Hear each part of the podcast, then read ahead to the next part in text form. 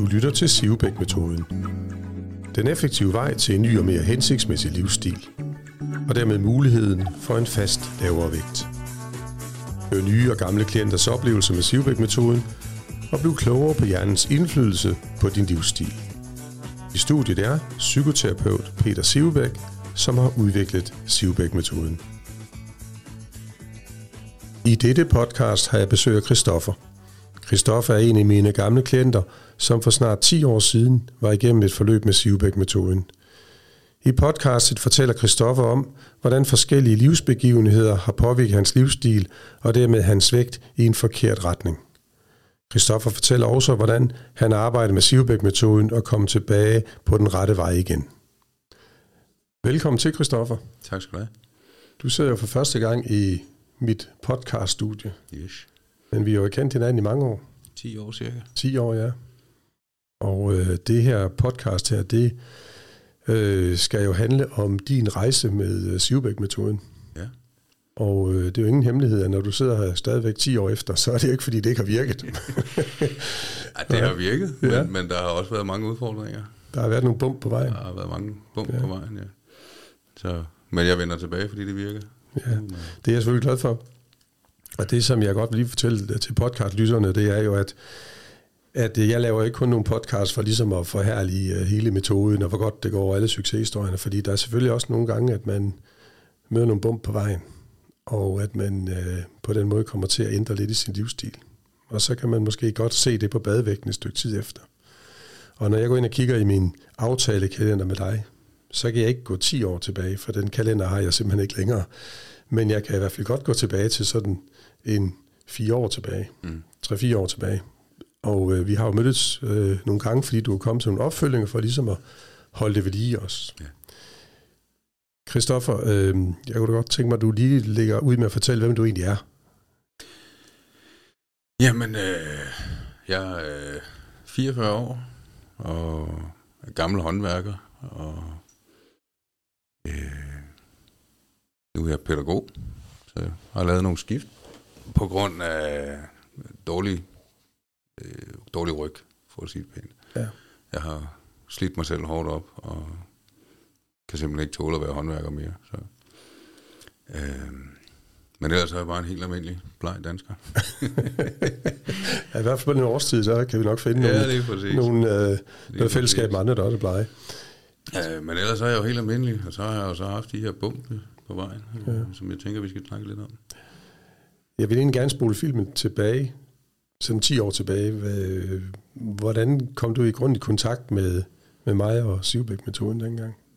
Jamen, øh, jeg, jeg havde et meget besværligt liv, kan man vel sige det. Jeg var i et ægteskab, som jeg havde det rigtig dårligt i, og, og det kunne man jo også godt se på min, på min fysik. Øh, når jeg får det skidt, når jeg ryger ned, så, så tager jeg på. Det er sådan meget, meget tydeligt, at jeg bærer de her problemer i vægten. Øh, men det var jeg egentlig ikke klar over på det tidspunkt, og det var det, der var galt. Men øh, der skulle ske noget, og jeg havde kigget på det her gastric bypass, og, og faldt egentlig over, over dig. Øh, tænkte, det var da nok noget sjovere, end rent faktisk at skulle have en operation omkring det, og så videre. Så vi, jeg, jeg prøvede, og kørte fra Fyn af og til Kolding, for det var simpelthen det, der gav mest mening i form af alt det her, der nu var på, øh, på markedet, eller hvad man kan sige. Øh, og det hjalp. Jeg fik tabt en masse kilo dengang, og fik det rigtig godt, og så videre. Men, men på grund af det her ægteskab, så blev jeg jo så skilt, fordi det gik rigtig dårligt. Øh, og det var egentlig mig selv, der tog initiativ til det, for jeg kunne godt mærke, at det var meget usundt for mig, det her ægteskab. Og så, øh, ja, så blev jeg skilt, og så flyttede jeg fra hele familien. Det var ret hårdt. Gik boede på en firlænget landejendom med fire hektar jord til, og jeg endte i en lejlighed på anden sal, uden, uden hverken en terrasse eller noget som helst. Og så sad jeg deroppe alene, og så gik der ikke mere end et halvt år, og så blev jeg også fyret fra et fantastisk job, som jeg meget havde det rigtig godt i. Øh, det gjorde det heller ikke bedre, og så crashede jeg mentalt. Øh, og så var det jo, jeg kom op til dig, kan jeg huske, øh, og tænkte, nu skal jeg lige have et quick fix, og så er jeg på sporet igen, fordi nu var det ved at stikke af, men fik pænt at vide af dig, at øh, at jeg, var, jeg var for langt nede til, at du ligesom kunne, kunne redde den. Vi kunne godt arbejde med nogle ting, men øh, lige den der, jeg var nødt til lige at ride, ride bølgen af, så at sige, kan jeg huske. Øh, og gik herfra og var pisse frustreret. Men øh, da jeg ligesom kom ud på den anden side af det her, den her downer, så øh, kunne jeg jo godt se, at du egentlig havde ret, at jeg ikke var et sted, hvor jeg var modtagelig til at kunne, kunne arbejde med mig selv, fordi der, der var mange andre ting, der skulle arbejdes med selv. Øh, men kom tilbage hertil igen, da jeg ligesom følte mig klar, og så gik det også rigtig godt der. Øh, periode. Indtil, øh, indtil jeg blev syg. Ja. Jeg har, ja, jeg har en kronisk bindevævssygdom, der hedder sarkoidose. Og der har jeg været på Binjørbar i tre år, eller noget i den stil. Lidt mindre, tror jeg. Og kemoterapi. Og fik taget massivt på det også, på grund af Binjørbar Så den havde jeg også brug for at få noget hjælp til. Da du kom hos mig første gang for 10 år siden, cirka, ja. Der havde du været på Binjørbar Kommune. Ja, det er rigtigt. Ja, det, ja. og det var egentlig det, der havde fået din vægt til at, det var at stige. Det, ja, det er rigtigt, det var det, der skete for. Ja, og det kan jeg godt huske, vi arbejdede ja. med, og så øhm, tabte du dig.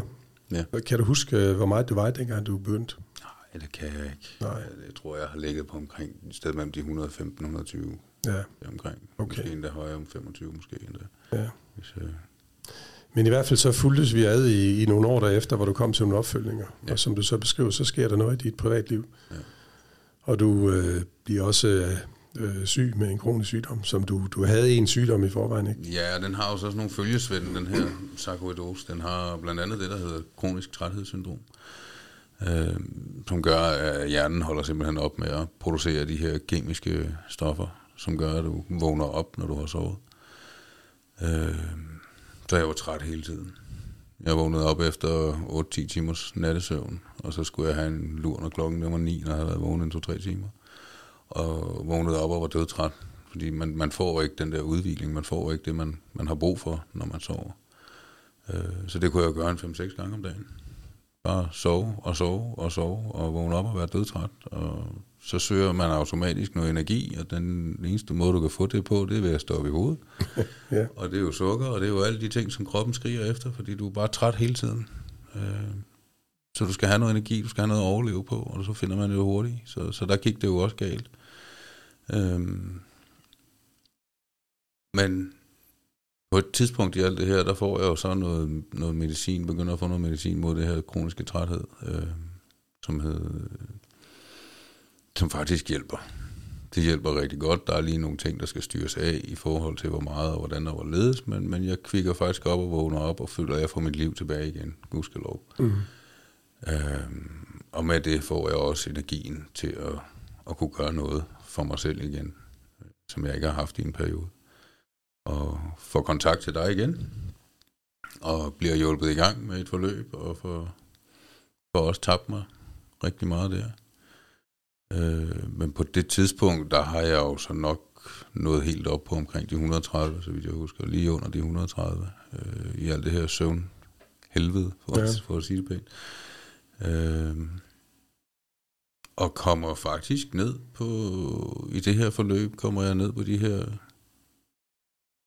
hvor jeg var nede på 106 kilo, øh, da det gik rigtig godt.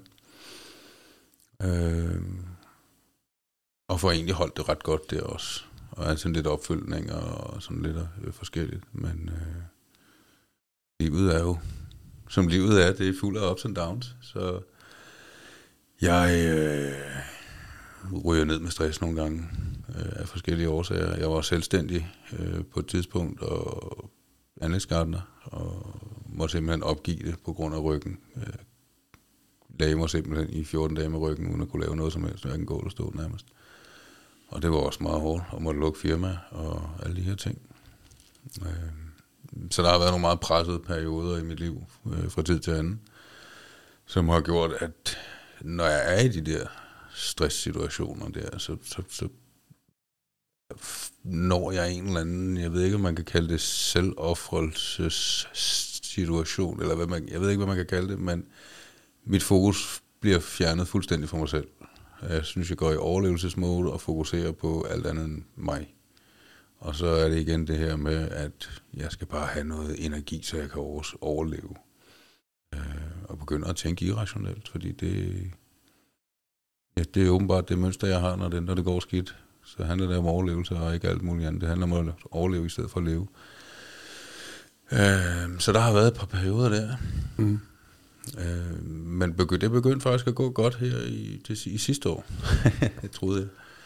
Hvor øh, jeg var oppe hos dig, jeg var i foråret, og fik vendt bøtten igen. Og 20 hvor det gik, det gik skide godt, lige indtil jeg crashede fuldstændig igen i sommer. Og det er jo mig, der skal lære ikke at have så mange bolde i luften. Øh, jeg havde lige startet en ny familie med min kæreste, vi var flyttet sammen, og vi skulle bygge om. Vi skulle bygge en helt ny overetage, og den fik jeg også selv lov til at bygge, fordi det, det kunne jeg, og det var der råd til. Eller det var det, der var råd til. Øh, samtidig havde jeg lige fået et nyt arbejde. Så der var bare rigtig, rigtig, rigtig mange ting, jeg skulle forholde mig til hele tiden, og forventninger alle andre steder fra. Og ja, så crashede jeg desværre igen her i sommeren. Det, det var en forfærdelig sommerferie. Øh, der var rigtig mange frustrationer og rigtig meget ballade der. Øh, og så gik det jo lidt galt igen, fordi så er der ikke overskud til mig. Så jeg kom til dig her i januar, hvor jeg følte mig ovenpå igen. Jeg øh, vejede 116 kilo. Øh, og tag herfra med en følelse af, at hold kæft, det bliver det nemmeste i hele verden. Jo. For jeg har jo prøvet det før, og jeg ved, hvad der skal til, og jeg ved, ja, hvad ja. gør. Mm. Øhm, så, så, så ja, det er, jo ikke, det er jo ikke bare lige, livet er jo ikke bare et quick fix, og så kører det, det er jo ikke bare en pille, man tager, der er jo rigtig, rigtig mange ting, man skal forholde sig til hele tiden, ting, man ikke uh, selv er herre over, ting, som andre mennesker måske har, har påduttet dig, og ting, som ingen har påduttet dig, men som bare sker for dig. Jo, folk bliver syge, og folk det ene og det andet. Ikke? Altså, så man takler det hen ad vejen, og så takler vi det måske alle sammen forskelligt. Ikke? Ja. Det er øh, halvanden måned siden cirka, ja. at du var her ja. øh, sidst, og hvor din vægt den så hed 116,3 var det klokken 3 eller sådan noget. Ja. Og i dag, der, har du, der er du nede på... 107,1. Ja. Yes. Og det er da super flot. Det er mega fedt. Det er sådan øh, udregningerne efter øh, kropsscanning, der indviser også, at du har smidt øh, 6,3 kilo rent fedt. Ja. Det som øh, din historie, den ligesom understreger, det er, at, at man kan komme i uføre i sit liv af forskellige årsager, og så har vi, som du selv siger, du går i overlevelsesmode, ikke? Jo, det når, du, når du render ind i nogle personlige øh, øh, situationer, belastningssituationer, det kan være ægteskab, det kan være job, det kan være sygdom osv., så, så har din strategi jo været, at så har du spist lidt mere end det, du normalt plejer at gøre.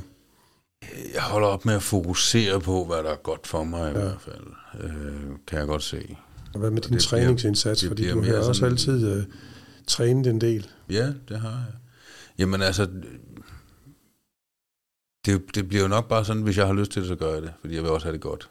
Agtigt, ikke? Og man får det godt, hvis man lader et eller andet øh, umiddelbart. Får man ja. her nu quick fix. Ikke? Og når man har det dårligt, så vil man jo gerne have det. Ja. Så jeg tror, det er sådan lidt noget af den stil der med, at det er synd for mig, så jeg må godt. Ja, du har fortjent det. Ja, jeg ja. har fortjent det her. Ikke? Og det kan også bare være lige meget alt sammen, ikke? fordi det hele det går helvedes til. Så. Den er meget klassisk. Så, ja, lige præcis. Ikke? Så, så jeg, ja. tror, jeg tror at meget, det er det mønster, jeg får. Ja. Hvor jeg sådan ligesom bare tænker, at det må være lige meget det hele. Mm. Ikke? Altså, jeg kæmper for noget, men jeg kæmper og kæmper, og det bliver lort alligevel. Ikke? Så, mm. Hvad er så grunden til, at du er vendt tilbage til mig, når du har været her, og du har også uh, tabt dig, du har fået nogle redskaber, du, du kan bruge derhjemme, øh, som metoden jo består af, og øh, så har du mødt nogle bump på vejen. Hvis du nu har været en slankekur, du har tabt dig på på et tidspunkt, har du så vendt tilbage til en samme slankekur igen, eller hvad er egentlig grunden til, at du vender tilbage? Jamen det er fordi, ja, det lyder også, jeg ved, det virker. Jeg kan godt se, at jeg vender tilbage, fordi det ikke virker, eller hvad man kan sige. Ikke? Det gør det jo. Men det er jo ikke det, er jo ikke det her, der er årsagen til, om det går galt. Det er jo ikke dig, der er skyld i, at det går galt. Det her, Forhåbentlig ikke. Altså, og det er, jo, det er jo min egen personlige indsats, 100% hele vejen igennem, der gør, om jeg taber mig eller ej. Og det, jeg føler, jeg får ud af at komme her, det er en eller anden form for mental boost til at sige, jeg ved, hvad der skal til. Jeg ved, hvad jeg skal gøre. Jeg ved, hvordan jeg skal spise. Jeg ved, hvordan jeg skal træne. Jeg har hele opskriften på det. Men alligevel sidder jeg her og kommer ikke rigtig videre i sofaen, fordi at det skulle uoverskueligt, eller øj, det skulle også svært lige at, at vende bøtten. Altså den der mentale barriere, der er. Og den får jeg fjernet, når jeg kommer her. Altså det bliver det bliver så simpelt og så overskueligt og så stor en selvfølge, når, når jeg kører herfra, fordi det, jamen, det, det er svært at forklare, men hele den der ja, barriere, mentale barriere, den, altså der er jo mange mennesker derude med, at godt ved, at hvis de bare holder op med at spise øh, forkert, og hvis de bare begynder at motionere, jamen, så vil der ske noget, men hvorfor gør vi det så ikke? Fordi vi ønsker jo alle sammen i, i sidste ende at gøre det her. Men hvorfor gør vi det ikke? Det er jo det her med ligesom at tage en, en beslutning og sige, nu er det nu. Og hvad skal der til for, at jeg kommer i gang? Øh, hvor jeg godt kan sidde, før jeg er her, og tænke, jamen jeg ved godt, hvordan jeg var ledes, men, men puha, det bliver hårdt alligevel. Mm. Altså den rejse, jeg skal ud i, den bliver hård, den bliver uoverskuelig. Når jeg så har, når vi har siddet og snakket, og jeg har, har, har været inde hos dig, jamen, så er det det mest simple i hele verden. Altså, fordi så er, det bare, så, så er brækkerne faldet på plads op i hovedet på en i forhold til, det er jo bare det, vi gør. Og det er det, jeg har lyst til. Og det er det, det, er det der, jeg, jeg kommer til at brænde for det. Mm. I stedet for, at det bliver noget negativt overskueligt, et eller andet, jeg påtvinger mig selv, fordi at jeg bør gøre det, så bliver det til noget, som jeg har lyst til at gøre, noget jeg brænder for, noget jeg synes, der er fedt, noget der er sjovt. Så, ikke? Så, så hele den der mentale, det der mentale mindset, mindset is everything, mm. den, øh, den, den, den vender 180. Og det er klart, det er selvfølgelig også det, vi også arbejder med. Ja. Øh, det mentale, fordi Sivbæk-metoden, det ligger jo også i navn, det er en metode. Man skal ligesom øh, gøre nogle ting ja. øh, for at ændre på nogle vaner. Man skal ændre på sin, sit øh, mæthed. Og, men så er der det lag, der ligger nedenunder, det er sådan det mere terapeutiske, det der med, hvor er du hen i dit liv. Mm. Og jeg bruger et begreb, der hedder tændte sterinlys. Og øh, når jeg spørger mine klienter, om de har nogle tændte sterinlys i deres liv, så kigger de sådan lidt måben over på mig, hvad jeg mener med det. Så spørger jeg som regel også, hvad sker der, hvis du stikker fingeren ind i et tændt sterinlys? Det er jo sådan, åbenbart så brænder man sig. Mm. Og tændt sterinlys er faktisk øh, et udtryk for nogle ting, som vi har i vores liv, som vi går og brænder os på.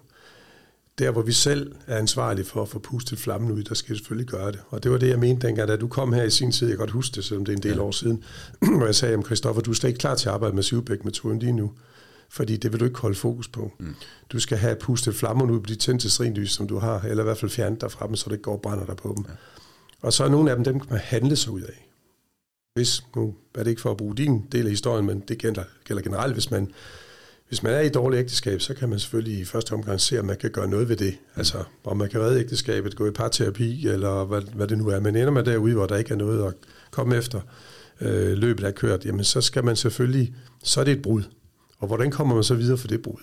Og så render du jo også ind i, at så kommer der så en fyring øh, et halvt år efter, hvor ja, du så befinder dig i en, i en mindre toværelseslejlighed, hvor du før boede ude i Guds frie natur på ja, en fire gård på Fyn. Man kan nærmest se Morten Cox øh, film foran sig. Ikke? Kontrasterne, var kontrasterne er store, og, og, og, og, og så rammer du ind i nogle, nogle tændte sterinlys igen, fordi det kan godt være, at vi har fået pustet nogen ud, eller fået fjernet os fra nogle af dem, men der kan altid blusse et nyt op. Ja. Så er der de tændte sterinlys, som man ikke kan gøre noget ved, men man må ligesom rumme for eksempel en kronisk sygdom, som du også har. Så kan man selvfølgelig kigge på, om den behandling, du har fået, binyrbarkhormon, ja, det er jo kendt for som bivirkning at give en i til tider voldsom vægtøgning, som du også har oplevet. Øh, så er der andre mediciner, som du har fået, som har hjulpet dig rigtig godt. Men der er måske ikke nogen mulighed for helt at helbrede dig 100%. Så, så hvis man mentalt er påvirket af, at man har en kronisk sygdom, det kan være mange andre ting, end, end, end, end det du lige har her, på dit repertoire. Det kan være rigtig mange andre ting. Det kan være sukkersyge, det kan være hjerte-karsygdom, det kan være whatever, ledegigt, øh, autoimmune sygdom og sådan noget. Så hvis man finder en eller anden fred med det, altså så har man jo på den måde jo accepteret, at her er et tændt lys, men man har ligesom sat en eller anden form for glasklokke nedover, som ikke går og brænder sig på det. Man kan godt se det, man ved, det er det. Så, så Hvordan, hvordan vil du takle i fremtiden, øh, hvis der, og det, jeg kan ikke sige, når der kommer et bump igen, fordi vi jo ikke sidde her og være øh, spormand og så sige, det gør der, men der kommer altid nogle bump på vejen i ens liv, som du også sagde før, men livet er ikke bare en pille, man kan, eller man kan ikke tage en pille mod livet, hvis Nej. det går galt. Så, så har du, hvad har du lært af processen her i forhold til, at øh, vi så ikke skal mødes igen. Du må gerne komme her, men at, at vi skal mødes igen om et år, og du siger, ja Peter, så kom der skulle lige det her bump her. Sådan at det mønster ligesom bliver brudt. Vi har arbejdet med det, og bumpene har jo ikke medført den samme vægtøgning, som det har gjort tidligere. Nej, altså, jeg kan jo også godt se, man, man lærer at kigge på sine egne mønstre. Jeg kan jo ikke sidde her og garantere, at nu er det bare, nu, nu, nu kører mit liv bare fremover, ikke? så jeg er nødt til at forholde mig til det. Øhm, jeg synes, jeg bliver klogere på mig selv hver eneste gang. Jeg får mange har-oplevelser. Øhm, mit, mit store, min store kæphest i alt det her, det er energi og overskud. Det er, det er det, jeg hele tiden har fokus på i mit liv på grund af sygdom. Jeg skal hele tiden fokusere på, hvor jeg er henne rent energimæssigt. Hvor meget har jeg fået ladt mig også selv op? Hvor meget kan jeg nå at lade op? Øh, jeg er også nødt til en gang imellem, og jeg er stadigvæk på de her kvik medicin her. Øh, og nødt til at fjerne det en gang imellem fra mig, fordi jeg skal... Til lige pludselig så sover jeg bare ikke. Hvis jeg, hvis jeg tager det kronisk eller fast hver dag, altid, jamen så sover jeg måske tre timer om natten. Og så er jeg træt på grund af det. Så kan jeg ikke sove, fordi jeg tager medicinen, men jeg er træt, fordi jeg ikke får søvn. Ikke? Så, så jeg er nødt til at have nogle perioder også, hvor jeg ikke tager det, og så skal det jo lige planlægges med, at jeg ikke skal en hel masse. Ikke? Så kan jeg tage en weekend, hvor jeg ved, at der er ryddet kalender, så kan mm. jeg gå og slappe af derhjemme og få sovet lidt ud der, ikke? og så kan jeg være på den igen. Øh, men, men det virker også for mig. Altså det er det her, ja, det her lys, det brænder, og det er en eller anden form for stor flamme, som jeg har lært at leve med i mit liv, fordi det er da røv irriterende. For det er også dumt. At være kronisk syg, og der ja. er mange følgesygdomme ja. med det. Det har taget lang tid for mig at acceptere, at jeg er kronisk syg. Jeg har en meget besværlig nattesøvn generelt, sover i tapper og sådan noget, også på grund af alt det her, på grund af medicin og så videre, men er egentlig kommet til, til fred med det. Det er bare sådan, der. Det er sådan, mm. livet er nu, og så er det det. Ikke? Så, så det handler meget om at slutte fred med de der dæmoner, man har, tror jeg. Ja. Og så hele tiden have fokus på, at jeg kan holde min energi. Det, der skete i sommer, det var, at jeg simpelthen brændte ud. Jeg havde ikke energien til at, at, at gennemføre de projekter, jeg havde. Altså, der var simpelthen for meget. Ja, du sagde selv, du havde fået for mange bolde i luften. Jeg havde alt for mange bolde i luften, ja. en af dem havde jeg måske kunne overleve. Ja. Øh, havde jeg kunne overleve. Øh, men, men så mange på én gang, det, så, så brænder jeg ud. Så, mm. kan jeg simpelthen ikke. Så, så det er jo en af de ting, jeg har lært af mig selv også. Ikke? Pas nu på, have nogle begrænsninger, ikke? Altså, en ting ad gangen, lad være med at, at starte for mange ting op, og, og passe på, hvordan det overledes. Øh, hvis der kommer et eller andet udefra kommende, jeg ikke er herover, jamen, så skal jeg i hvert fald lige vente med at, at, at starte noget op selv, i hvert fald i den periode. Ikke? Så hele tiden det der med at være forudsigende, øh, hvad, hvad kan jeg gøre for hele tiden at være, være ovenpå?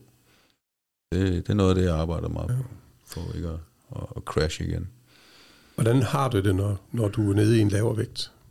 Jeg har det fantastisk. Ja. Det, har jeg, det har jeg også nu. Jeg er jo skidestolt. Ikke? Ja, ja, men... Så sidder man i klump i alt det glade over, man det er, fan, det er også fantastisk. Øh, vi, vi sms'ede lige lidt inden øh, podcast i dag, og, ja. så jeg vidste jo godt, at du kom med en, ja, med, med en god, god nyhed. Ja. Øhm, men jeg har jo også givet den gas, ikke? Og, ja. og har ændret på mange ting og så videre. Ikke? Men, men jeg kan jo også godt se, det er, det, det bliver jo nødvendigt. Nu bliver jeg jo ikke yngre. 44, snart 45, og begynder man at snakke om livsstil, livsstilssygdomme og alt det her ting, ikke? Hvor folk i vores alder nu, ikke? Ja, der vil jeg godt lige afsløre, at jeg ved nogle private selskaber her for nylig har været sammen med jævnaldrende. Jeg er så ældre end dig. Mm. Jeg bliver snart 67. Ja. At øh, for 10 år siden, der talte vi nok mere om alle de sjove ting i vores liv. Ja. Nu taler vi om, hvor mange piller vi får. Ikke også? ja, lige præcis. nu er du en ung mand stadigvæk, 44. Jeg vil godt lige knytte en kommentar til det der med at have en kronisk uh, træthed, for eksempel kronisk træthedssyndrom, eller man har en anden kronisk sygdom, som også medfører træthed. Mm. Uh, det kan også være søvnløshed bare. Ja. At man uh, overtænker, man har tankemøller. Ja. Og den måde, på den måde ikke kan få hjernen til at falde til ro, så man kan sove og vågne veludvildet næste dag. Mm. Altså biologisk er det jo sådan, at at hvis du ikke får din søvn, eller du føler dig kronisk træt, så er du automatisk jo det langsomste dyr i flokken. Ja. Og hvis vi sådan relaterer til for flere tusind år siden, da vi levede ude på savannen, så var det ikke rart at være den langsomste i flokken, ja, ja. fordi så var der, der blev taget af, løver, af løverne. Ikke? Og så derfor så forsøger du jo at kompensere ved at hive nogle hurtige, øh, noget hurtig energi ind, og det er jo kulhydrater. Ja. Men hvis vi igen går afskillige tusind år tilbage, så var kulhydrater ikke bare noget, man kunne gå ned og købe ned på 7-Eleven. Mm. Der blev du nødt til at grave nogle rødder op, eller finde nogle bær eller frugter, eller sådan noget, for at få noget energi hurtigt. Så det ligger sådan biologisk i os. Det er sådan en craving, der opstår. Ja. Øhm, Jamen, det giver også meget god mening. Man ja, skal igennem dagen alligevel. Det er nemlig lige præcis det. Jeg skal stadig være far for mine børn. Og ja, det, det, det man er nødt til at gøre noget. Der man er rigtig mange ting i det. Ikke? Helt sikkert, det er der. Men det, jeg synes, der er rigtig, rigtig øh, spændende at lytte til i din fortælling her, det er jo, at øh, du jo netop har formået at komme tilbage igen, altså komme op på hesten igen. Øhm, og så har du, nu er du på vej ned mod, du har jo et mål om at komme under 100 kilo, ved jeg. Ja, delmål. Et delmål, ja, ja, men det under 100, det kan også være ja, ja, længere end, end, end de 99,9, ikke? Ja, jeg, jeg, jeg vil bare gerne fortsætte. Ja, jeg sætter ikke nogen krav til mine klienter om, hvad de skal ned ad veje, eller noget som helst. Det er helt op til dem selv. Men man kan jo godt have et mål alligevel. Hvor, hvis man føler, at man befinder sig rigtig godt ved en vægt, som man kan huske, man havde engang tidligere i sit liv, jamen, så kan man jo godt stile efter at få den igen. Men igen, vi skal også acceptere, når vi bliver ældre, at kroppen reagerer på en anden måde. Ja, selvfølgelig. Svær ved at bygge nye muskelfiber op, og, og så øh, nemmere ved at lære fedt. Så, men øh, der var lige en, en ting med omkring øh, tallene fra den seddel, som øh, min kropsscanningsvægt skriver ud. Fordi du sagde selv, okay, jeg blev, jeg blev en lille smule skuffet over, at jeg har mistet muskelmasse. Ja. og så tænker jeg, okay, sådan midt i, øh, midt i glæden her, så var der alligevel sådan lidt Øh, men øh, det har jeg så også, øh, inden vi kom i gang med podcast, her fortalt dig, at, at årsagen kan være, fordi du træner jo. Ja. Og jeg vil absolut anbefale, at man træner. Og man er i en vægttabsfase, eller man har en vægt, man gerne vil være på, og man ikke har noget brug for at tabe sig, så træn. Mm. Så, så for at holde dine store muskelgrupper øh, veltrænede, altså virkelig give dem noget modstand, så de øh, hele tiden holder sig øh, øh, så, øh, så fyldige som muligt, med så mange muskelfiber som muligt, for det hjælper altså på din hvileforbrænding. Det hjælper også på rigtig mange andre ting. Mm. Stimulerer dit immunforsvar og så videre, så videre. Øh, du har mistet øh, lidt øh, muskelmasse, det er fuldstændig rigtigt, men det er jo klart, at i takt med, at du taber dig, du kan jo prøve at gå ned i øh, supermarkedet på vej hjem, og så tage en bærepose, eller tage en rygsæk på, og så lige fylde 10 liter mælk i, mm. og så gå rundt med den. Det, det, så bliver det, du jo træt i løbet af dagen i dine ben. Ja. Så tænker hjernen, vi må hellere give dig lidt øh, flere muskelfiber hernede, så du kan bære de her 10 kilo. Nu er det så den modsatte vej, det er gået. Nu har du taget de 10 kilo af, og så tænker hjernen, okay, du har ikke brug for de der muskelfiber længere. Så fjerner jeg dem, siger hjernen, fordi at, øh, de kræver jo energi og vedligehold. Og energi, eller mangel på energi, er et spørgsmål om overlevelse. Så derfor så vil, øh, vil din øh, muskelfibermængde i dine underkropsmuskler være tilpasse den vægt, du har. Så når du taber det, så forsvinder der nogen dernede fra. Men dem kan du så bygge op på din overkrop, hvis du gerne vil. Ja. Men der er også en grænse for, hvor mange muskelfiber du kan bygge op, medmindre du går til øh, ekstremerne i din træning, eller begynder at få hjælp af, ja. af forskellige øh, andre stoffer. Det vil jeg selvfølgelig ja. overhovedet ikke anbefale. Nej, det er jo ikke så, det, jeg overhovedet. Altså, så du ligger jo, hvis vi kigger på, på sædlen her, og nu er der ikke tv på de her podcasts, det kan være, vi skal til at have det fremadrettet, men, men rigtig mange af lytterne her har sikkert på sådan en kropsscanningsvægt, der skriver en sædel ud med en masse forskellige målinger på. Og en af dem, som er vigtigst at kigge på, det er fedt omkring indre organer. Og der har du, der har du faktisk faldet mm. rigtig, rigtig pænt. Så jo mindre fedt omkring indre organer, desto mindre øh, inflammation, og dermed øh, risiko for nogle livsstilssygdomme. Så du bevæger dig på alle parametrene her i den rigtige retning. Mm. Så stort tillykke med det. Ja. Jamen, øh, Christoffer, tusind tak, fordi at du har været åben og ærlig omkring øh, både forløbet for, der startede for 10 år siden, øh, dine personlige øh, udfordringer, og hvordan de har påvirket din vægt, men at du også kan fortælle og berette, at øh, man kan så sagtens komme tilbage igen Absolut. med en indsats, men man skal også lige kigge på, hvad der er tændt i ens liv, om der er nogen af dem, man skal have pustet ud. Lige præcis. Ja. Lige Lad det være slutordene, og så øh, bliver det så alligevel ikke slutordene, for så kommenterer jeg lige til sidst, at øh, du kommer igen. Ja. Øh, vi laver en ny aftale omkring en måneds tid, og nu skal du ind og have en opfølging, selvom du kender jo metoderne osv., men det er det mentale boost, du taler om. Ja. Det går vi ind og arbejder med nu. Og så når du kommer tilbage i næste podcast, så, øh, så ser vi eller hører vi, hvordan det så er gået. Ja. Så tusind tak for i dag. Og til lytterne, tak fordi I lyttede med. og vi høres ved. Hej så. Du har lyttet til Sivbæk-metoden. Den effektive vej til en ny og mere hensigtsmæssig livsstil, og dermed mulighed for et vejet vægttab. Du kan læse meget mere om Sivbæk-metoden og finde den nærmeste behandler nær dig på sivbækmetoden.dk.